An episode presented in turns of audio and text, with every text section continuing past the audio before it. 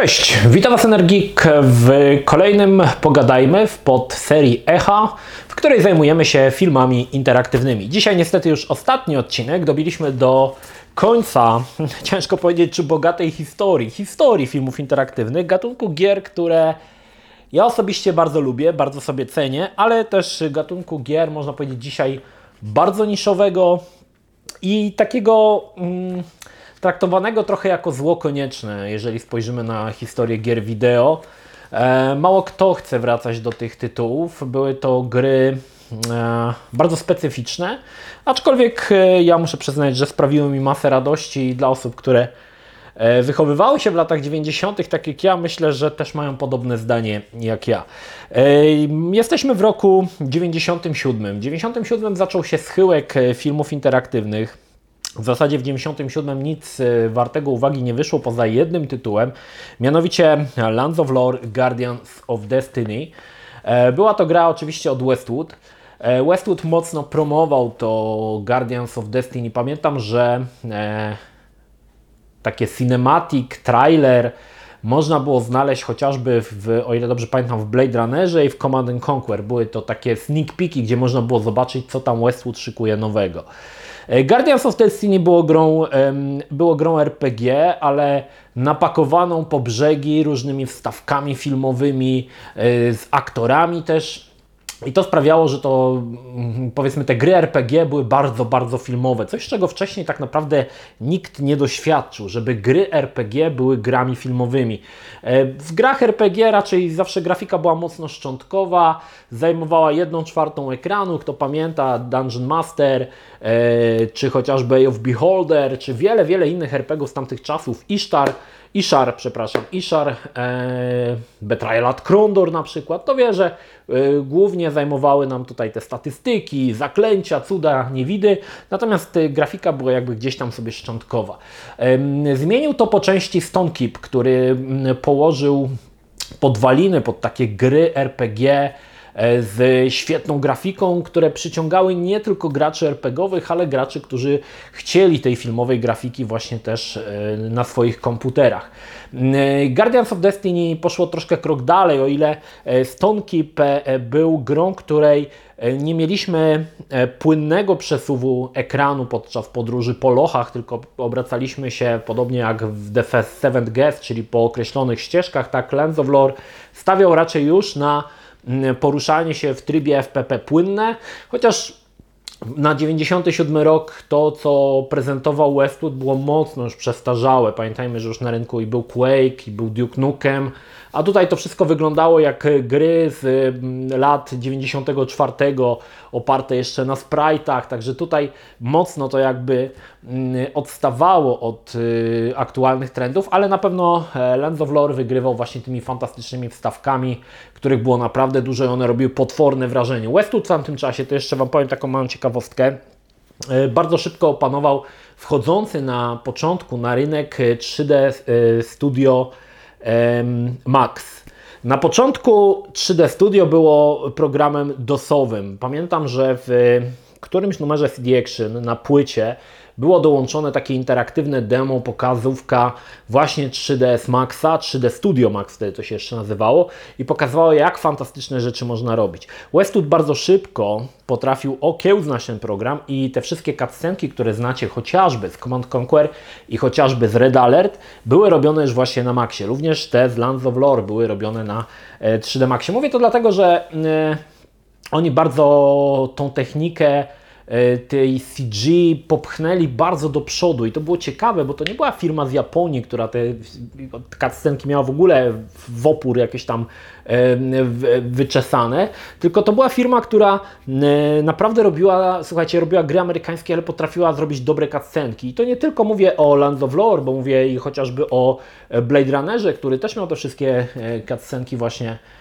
zrobione w CG. Także oni naprawdę, naprawdę tam cisnęli i Westwood był naprawdę wtedy na fali, to w ogóle nie było o czym mówić. Westwood był naprawdę potężną firmą, Już mówiłem to wielokrotnie, wszystko co z niej wychodziło było dobre, mogłeś kupować w ciemno i wiedziałeś, że to będzie dobra giera i podobnie było z Lands of Lore, które właśnie też e, zaczęło zaliczać się do filmów interaktywnych, ponieważ e, przesyt tymi cutscenkami był na tyle duży. Co ciekawe, Stone Keep nie znalazł się chyba w tej liście, o ile dobrze pamiętam, nie, nie, nie chcę skłamać, ale chyba go tutaj nie było. E, wynika to z tego, że Stone Keep tak naprawdę tych animacji miał troszkę mniej głównie tam cała ta rozgrywka opierała się na tej grafice, e, na tych e, cutscenkach z przejścia z jednej lokacji do drugiej. No niemniej, da, jeszcze tutaj taka mała ciekawostka, Guardians of Destiny wyszło na czterech płytach, o ile dobrze pamiętam, czy na trzech a Stone Keep był na jednej, także tam naprawdę dużo tych cutscenek było. E, w 97 roku wyszła jeszcze e, gra The Last Express, ale nie będę jej tutaj omawiał. Natomiast e, to był już taki koniec troszkę, takie powiedzmy, widać było, że branża gier wideo poszła w troszkę zupełnie innym kierunku. Odbiła od tych filmów interaktywnych i poszła w stronę gier e, opartych o grafikę poligonalną, e, wspartych akceleracją 3D, czyli gier, które mamy dziś, do dzisiaj tak naprawdę. E, Quake dużo zmienił, tak? Ta grafika całkowicie w 3D, potem pierwsze Voodoo, to wszystko sprawiło, że ta grafika, czy też rynek gier wideo zareagował na to i pokazał też, oczywiście rynek pokazał, że gracze chcą tej grafiki poligonalnej, o czym jeszcze zaraz sobie dojdziemy. 98 roku znaje się za takie domknięcie e, historii filmów interaktywnych. Oczywiście nie jest prawdą, że te filmy nie pojawiały się później, bo jeżeli sobie zerkniecie na listę, to właściwie co roku wychodziło coś, ale już nic wartego poznania, nic wartego mm, wspomnienia. Ale też 98 rok przyniósł nam e, w zasadzie najlepsze te gry e, z gatunku filmów interaktywnych. To jest taka trochę ironia losu.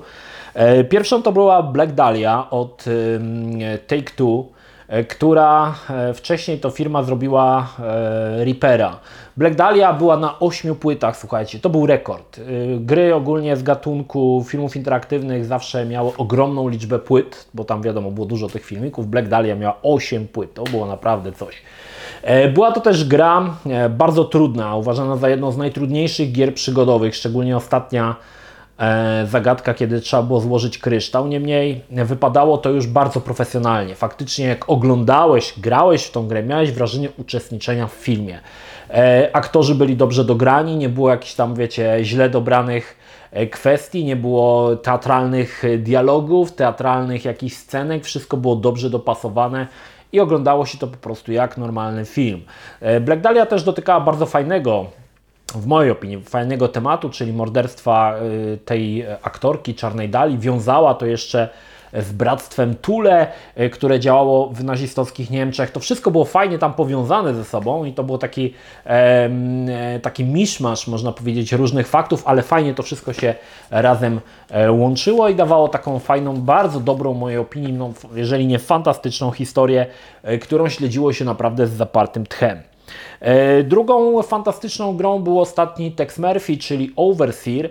E, Tex Murphy w zasadzie nie szedł do przodu w stosunku do pierwszej części, czyli Undera Killing Moon, która tak naprawdę była trzecią częścią.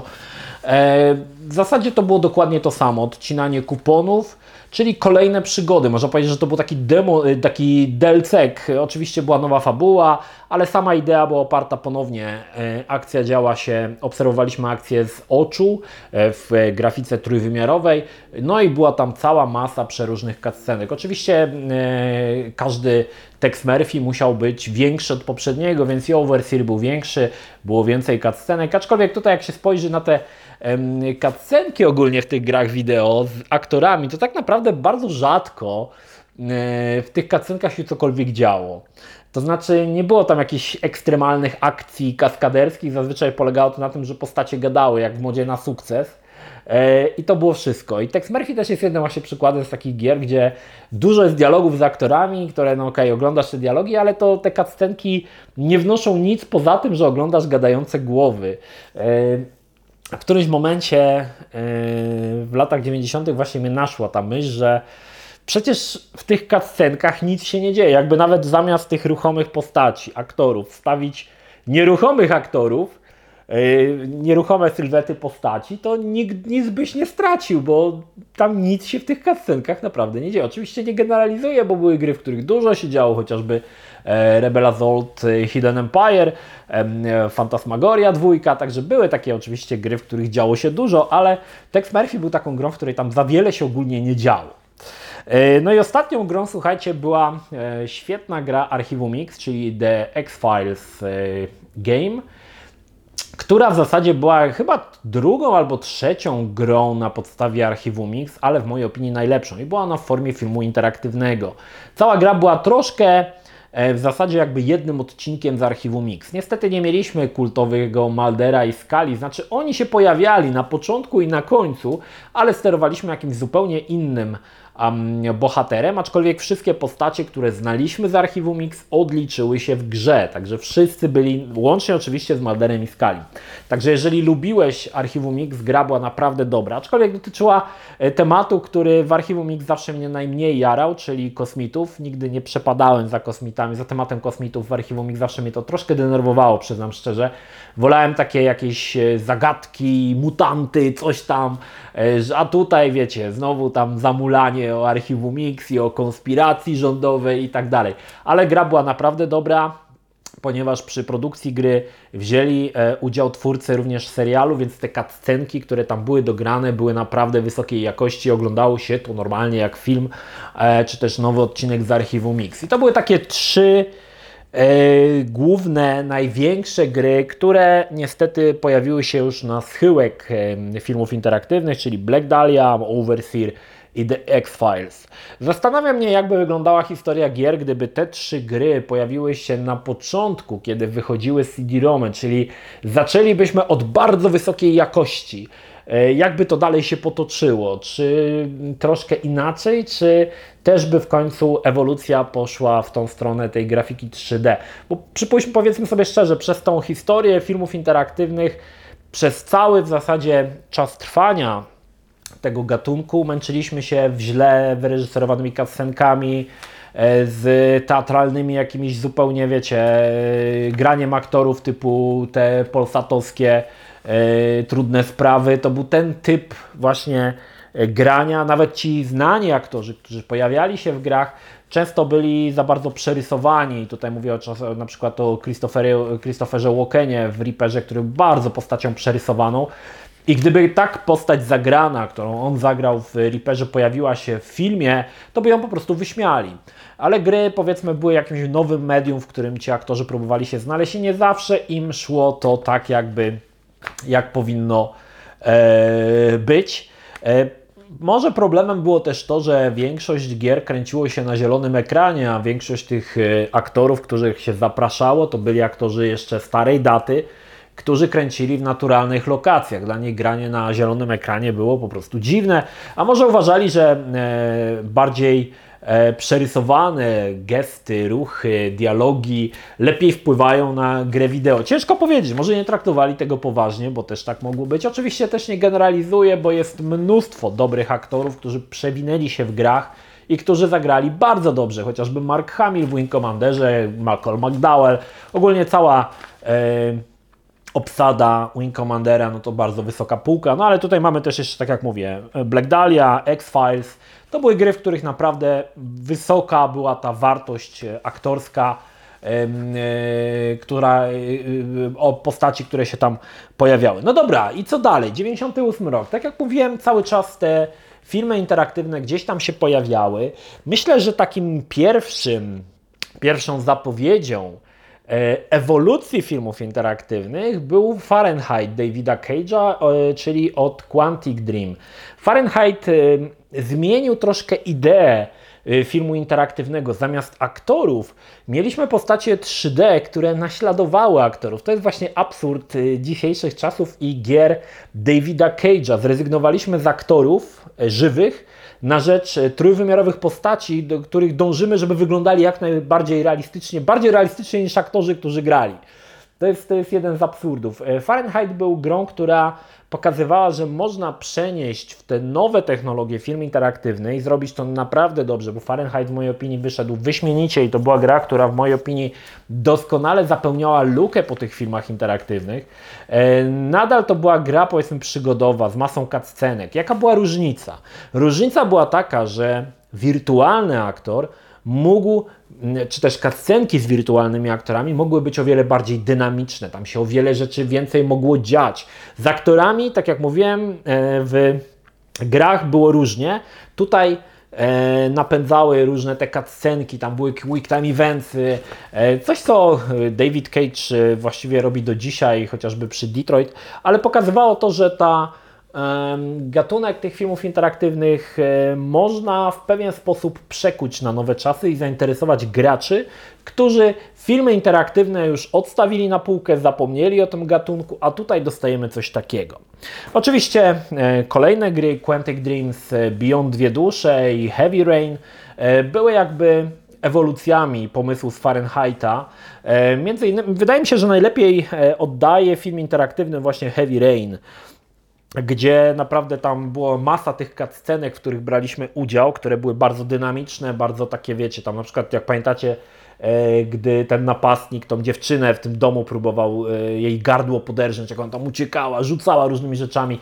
E, prawdopodobnie, żeby nagrać coś takiego z aktorami, wyniosłoby to masę kasy i pewnie by nie wyglądało tak realistycznie, jak to, co zrobił Cage w Heavy Rain.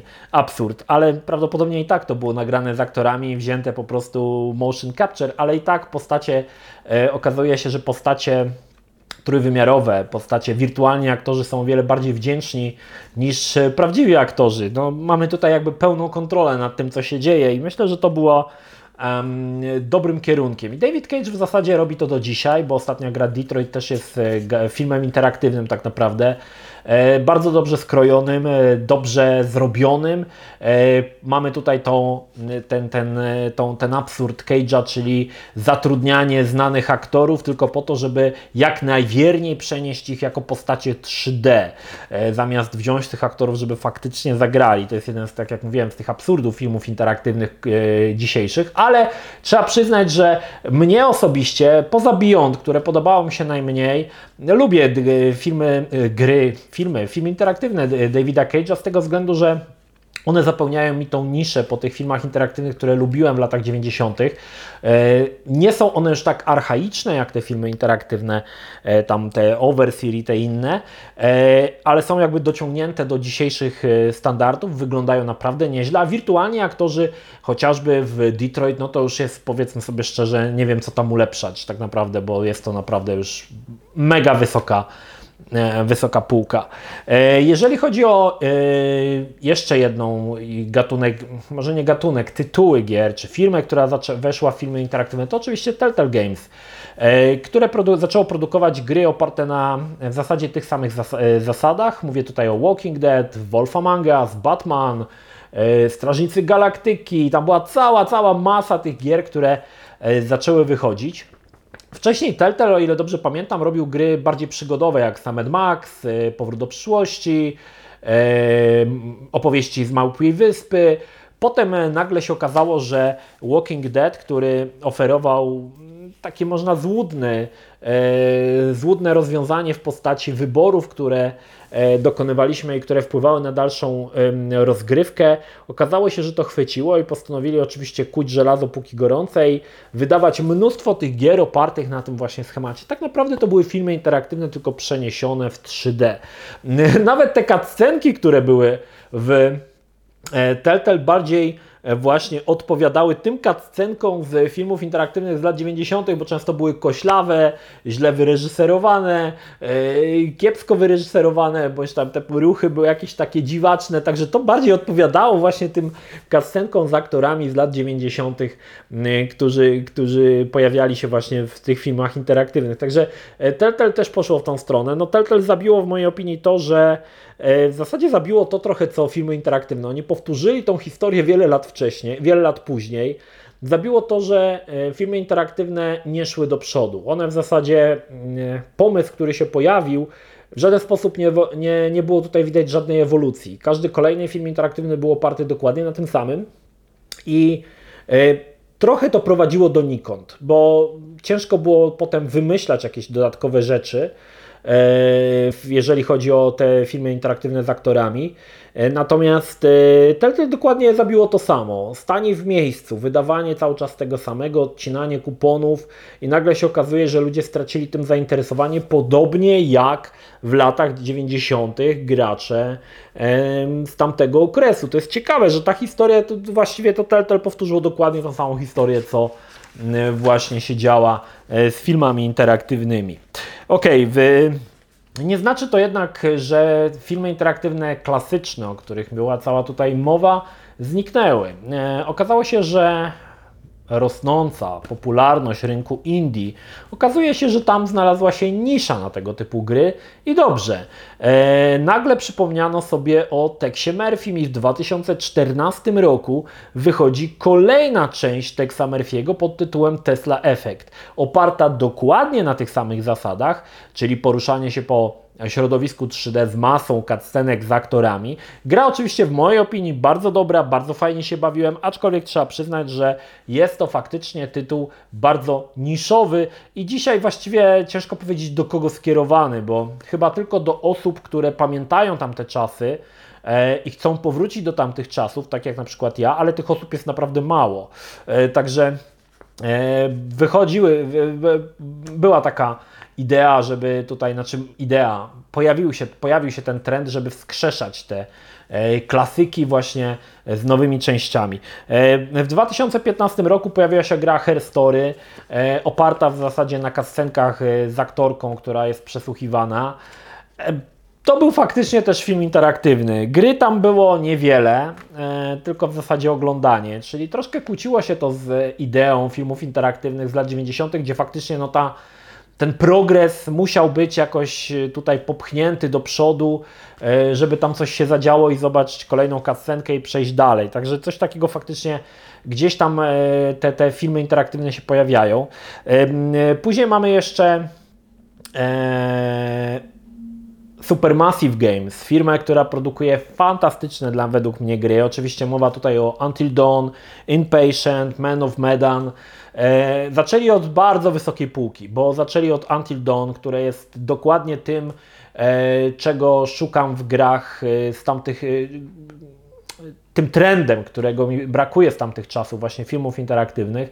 Można powiedzieć, że jest to, gdyby ktoś mi powiedział, że to jest kolejna gra Davida Cage'a, myślę, że bym nie oponował, bo to jest w zasadzie oparte na tych samych e, założeniach, ale z fantastyczną grafiką, ze świetnymi e, animacjami aktorów, z mimiką, naprawdę to najwyższa półka, ale widać, że jest zapotrzebowanie na te gry, bo cały czas jakby rozwijają tą, tą markę. E, właściwie no nie wiem, czy Men of Medan jest.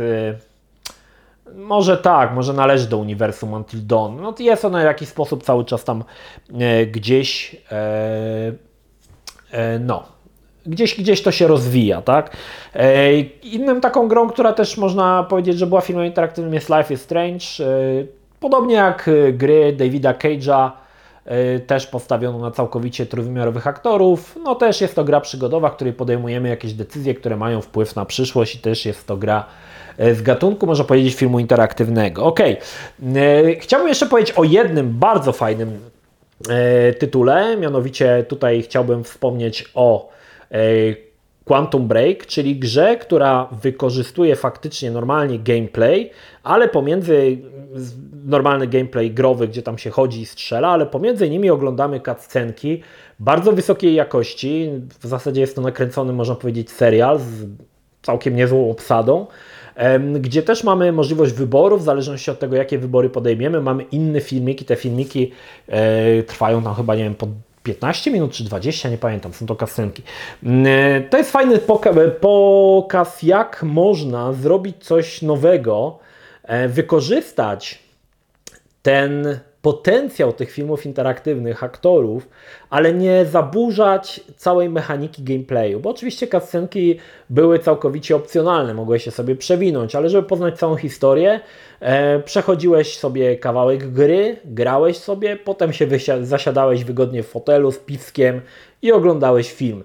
Bardzo fajne podejście, niestety Quantic, e, Quantum Break nie osiągnęło chyba takiego sukcesu, jaki się spodziewano, a szkoda, bo te gry e, studia, które wydało, które stworzyło e, Quantum Break są naprawdę dobre. Ja uważam, że każda z nich jest zupełnie inna. No może poza Control, które niestety mi się nie podobało i uważam, że Control było najsłabszym tytułem studia, ale e, cały czas powiedzmy to gdzieś, e, powiedzmy, że kolejna gra mam nadzieję, że będzie równie dobrze zrobiona, filmowa jak na przykład Quantum Break, który mi się strasznie podobał. Także to jest też przykład fajnego wykorzystania motywów. No i mamy czasy aktualne i tutaj mam dla Was rzecz, którą wszyscy doskonale znają. Nie tak dawno na Netflixie pojawił się odcinek Black Mirror pod tytułem Bandersnatch. Wszyscy oszaleli. Film interaktywny, wow! E, tak jak mówię, nie jest to zupełnie nic nowego, bo tego typu filmy już pojawiały się w latach 60., ale wszyscy się zachłysnęli, że to taka fantastyczna technologia. Szkoda, że w latach 90. w zasadzie gry wideo dawały nam dokładnie tą samą funkcjonalność i to samo, tylko że no nie był to serial na Netflixie. Ale jest to właśnie przykład y, typowego już filmu interaktywnego, bo faktycznie jest to film, który oglądasz na telewizorze, gdzie masz możliwość wyboru, co będzie dalej. Tak jak wspomniałem, e, ta rzecz pojawiła się wiele, wiele lat wcześniej, w latach 60. Ktoś już próbował coś takiego zrobić, gdzie można było wybór, wyboru dokonać, czy zrobić e, coś, czy pójść w lewo, czy pójść w prawo. Najbardziej taki prosty przykład podam, ale Bandersnatch poszedł o krok dalej, faktycznie tam te um, plątanina tych wydarzeń, do których prowadziły nasze wybory, była wiele bardziej skomplikowana. Faktycznie świetnie się to, słuchajcie, ja powiem, powiem mi się to strasznie podobało, e, bo to było takie, takie doświadczenie, można powiedzieć, e, troszkę przeniesione. Zresztą sam odcinek był sprytnie zrobiony, bo też było grach wideo, także mieliśmy tutaj taką trochę incepcję ale było to dobrze zrobione, fajnie zrobione. Widać, że to nie było, nie poskąpione na to funduszy, było to zrobione z odpowiednią, powiedzmy, z odpowiednim budżetem. E, strasznie to wkręcało i byłeś ciekawy, co by było, jakbym wybrał inne opcje i próbowało, próbowano zrobić to jeszcze raz. Oczywiście Netflix ma kilka takich rzeczy. Wiem, że jest jakiś chyba Bear Grylls, to nie widziałem tego, ale jest też fabularny Minecraft. E, Widziałem jeden odcinek, przeszedłem na potrzeby tutaj tego materiału, żeby zobaczyć jak to działa. Podobnie jak w Bandersnatchu mamy możliwość wyboru, tam jeszcze nawet mamy takie e, sekwencje, że mamy możliwość wyboru na przykład trzech różnych miejsc, do których musimy się udać, nie? Czy tam zdobyć clear czy jakąś tam otworzyć skrzynkę i coś tam jeszcze. Także mamy możliwość wyboru jednej z trzech opcji. Także też e, fajnie, że te filmy interaktywne tak naprawdę nie umarły, wracają do telewizji e, i fajnie, no czy one wrócą do gier wideo, nie sądzę, żeby to się pojawiło, aczkolwiek no, są jakieś tam próby mocno nieudane, między innymi Quiet Man od Square Enix, o ile dobrze pamiętam, gra, o której pewnie nikt z Was nie słyszał, która powinna się pojawić tak naprawdę w Zagrajmy w Krapa, bo to, co im tam zrobili, znaczy mieli pomysł, okej, okay, mieli pomysł, słuchajcie, bo sterujemy tam gościem, który jest głuchy. Więc wszystkie cutscenki, które mają znaczenie dla fabuły, są bez głosu, są nieme. Możecie sobie to wyobrazić. Postacie, które rozmawiają na jakiś ważny temat, który wiąże się z fabułą, my tego nie słyszymy. Nie ma napisów jesteśmy głusi na to, co oni, oni mówią. Pomysł był ok, powiem Wam tak. W Quietman mieli fajny pomysł, ale może to fajnie wyglądało na papierze, ale gdy zaczęło się w to, przeoblekło się to już w ciało, w gotowy jakiś produkt, który zaczynamy grać, to jest po prostu żenujące. To jest trochę tak, jakbyś oglądał, nie wiem, Ojca Chrzestnego z wyłączonym dźwiękiem albo jakikolwiek inny film z wyłączonym dźwiękiem, w którym wokale, dialogi mają e, bardzo. Film z Woody Allenem, bez dźwięku. Tylko cisza, widzisz. Nie ma napisów, nie ma dźwięku. Taki jest właśnie Quiet Man. E, gra, która myślę, że pojawi się w Zagrajmy w Krapa w którymś, w którymś odcinku. To jest naprawdę zabawne, jak to zostało zrobione, jak to położono ten temat yy, który miał naprawdę fajny punkt wyjścia, ale nie potrafiono jakoś tego przekuć w coś ciekawego. Także jest to, jest to jedna z tych, z tych tytułów. I to też jest film interaktywny oczywiście, bo kasenki są z aktorami, tak jak mówiłem wcześniej, tylko są one w ogóle bez dźwięku. A pomiędzy nimi mamy jakby taką kiepską dosyć bijatykę, 3D, e, troszkę mi to przypominało chociażby Urban Rain E, z, e, na PlayStation 2. Może kiedyś do tego wrócimy. Słuchajcie, no tak czy tak, e, filmy interaktywne tak naprawdę nie umarły, są nadal dos- obecne w naszym życiu, czy to na Netflixie, czy to chociażby w grach Davida Cage'a, można powiedzieć takich AAA i nadal to się pojawia. Oczywiście to już nie jest to, co było kiedyś i pewnie te czasy już nigdy nie wrócą, bo mamy nowszą technologię. Gracze też są coraz bardziej wymagający. Myślę, że dzisiaj jakbyśmy dostali grę pokroju pierwszego Undera Killing Moon, e, zrobioną na poważnie, jako tytuł AAA, to by wszyscy po prostu umarli ze śmiechu i wyśmiali tą grę i na Metacritics by był jeden punkt na 100. Także e, to czasy już nigdy nie wrócą. To były fajne czasy. One jakby e, w pewien sposób e, wpisały się w tą historię gier wideo, kiedy próbowano robić coś nowego, próbowano zastąpić grami wideo telewizję, mm, kino E, na swoje własne sposoby. Wychodziło jak wychodziło, zazwyczaj wychodziło kiepsko, ale próbowano. E, ale pamiętajmy też, że to nie wynikło, czy też te filmy interaktywne nie pojawiły się znikąd. Zapotrzebowanie na to było ogromne, e, ponieważ wchodziliśmy wtedy w nową erę nowych nośników CD. Chcieliśmy filmów, aktorów ruchomych w normalnej płynności na ekranie mojego monitora to chciałem zobaczyć i takich jak ja były miliony. I my to dostawaliśmy właśnie w postaci gier e, z gatunku filmy interaktywne, które właśnie ten głód zaspokajały. E, tak jak mówiłem wcześniej, bardzo szybko się okazało, że ten trend prowadzi trochę donikąd. E, no i cóż, prawdziwych aktorów zastąpiono aktorami wirtualnymi. Lepiej się stało w mojej opinii. Nagle cutscenki zyskały więcej dynamiki, więcej się w nich zaczęło dziać, wszystko zaczęło mieć ręce i nogi. E, dzisiaj gramy w filmy interaktywne, chociażby w Davida, z Davida, filmy interaktywne Davida Cage'a e, i nie dostrzegamy tych archaizmów gameplayowych, które były wszechobecne w latach 90., a one w tych grach Davida Cage'a też są. Są dostępne w każdym filmie interaktywnym e, dzisiejszym. Te archaizmy się znajdują, ale już ich nie dostrzegamy z racji powiedzmy lepszej grafiki, pięknych aktorów, którzy są przeniesieni w zasadzie jeden do jednego na nasz ekran, naszego monitora, ale przede wszystkim też z powodu zajmującej historii, fajnych, wciągających cutscenek, które się po prostu ogląda i się mówi wow, jakie to jest dobre. Także tak to wygląda, słuchajcie. Co będzie w przyszłości? Podejrzewam, że David Cage nie odejdzie od swoich upodobań, jeżeli chodzi o gry wideo i dobrze, bo potrzebujemy takich gier. Nieważne, czy je lubisz, czy ich nie lubisz, Potrzebujemy takich gier, jest na to nisza i te gry powinny się pojawiać dla tych osób, takich jak ja, które wychowały się w latach 90., e, czy tam e, na tych grach właśnie z aktorami i które potrzebują tego typu rozrywki. A okazuje się, że nie tylko, bo i młodsi gracze też chętnie sięgają po gry Davida Cage'a i też się fajnie przy tym bawią, więc faktycznie jest sens to wydawać. Ale też jest tutaj mała taka pułapka, te gry muszą cały czas iść do przodu. Coś musi być w nich nowego, bo historia Telltale Games pokazuje, że stanie w miejscu i robienie cały czas tego samego, no to jest w zasadzie proszenie się o kłopoty, o czym mogliśmy się sami przekonać. Ok, na tym zamykamy echa filmy interaktywne. E, mam nadzieję, że Wam się podobało. Była to całkiem niezła przeprawa. Trochę tych materiałów, trochę ten materiał, gdyby tak połączyć, to on by miał kilka godzin, pewnie nie wiem, z 8, może z 7. Fajnie mi było powiedzieć Wam o tych grach. Fajnie, że znaleźli się osoby, które po prostu to interesowało. E, co dalej? Będzie kolejne pogadajmy. Czy będą kolejne echa? Na razie nie planuję. Jeżeli tak, e, będzie to pewnie na temat jakiegoś gatunku gier, w którym będziemy sobie przechodzili kolejne lata omawiając. Natomiast wrócimy teraz do e, tradycyjnej formy pogadankowej Pogadajmy, e, no i oczywiście z całkowicie nowymi tematami. Także dziękuję serdecznie, że byliście ze mną przez te wszystkie części Echa Filmy Interaktywne. Była to fajna historia dla mnie osobiście, podróż, przeszłość niesamowicie nostalgiczna i odpalanie tych gier, zgrywanie gameplayów, czy nawet oglądanie na YouTubie, jak to kiedyś wyglądało, była dla mnie niesamowita przygoda. Wiem, że osoby, które nie wychowały się w tych latach, to ciężko im to, to samo odczuć co ja, ale dla mnie to była naprawdę nieziemska przygoda. No i cóż, chyba to tyle. No. kończymy ten film nieinteraktywny o filmach interaktywnych. To tyle.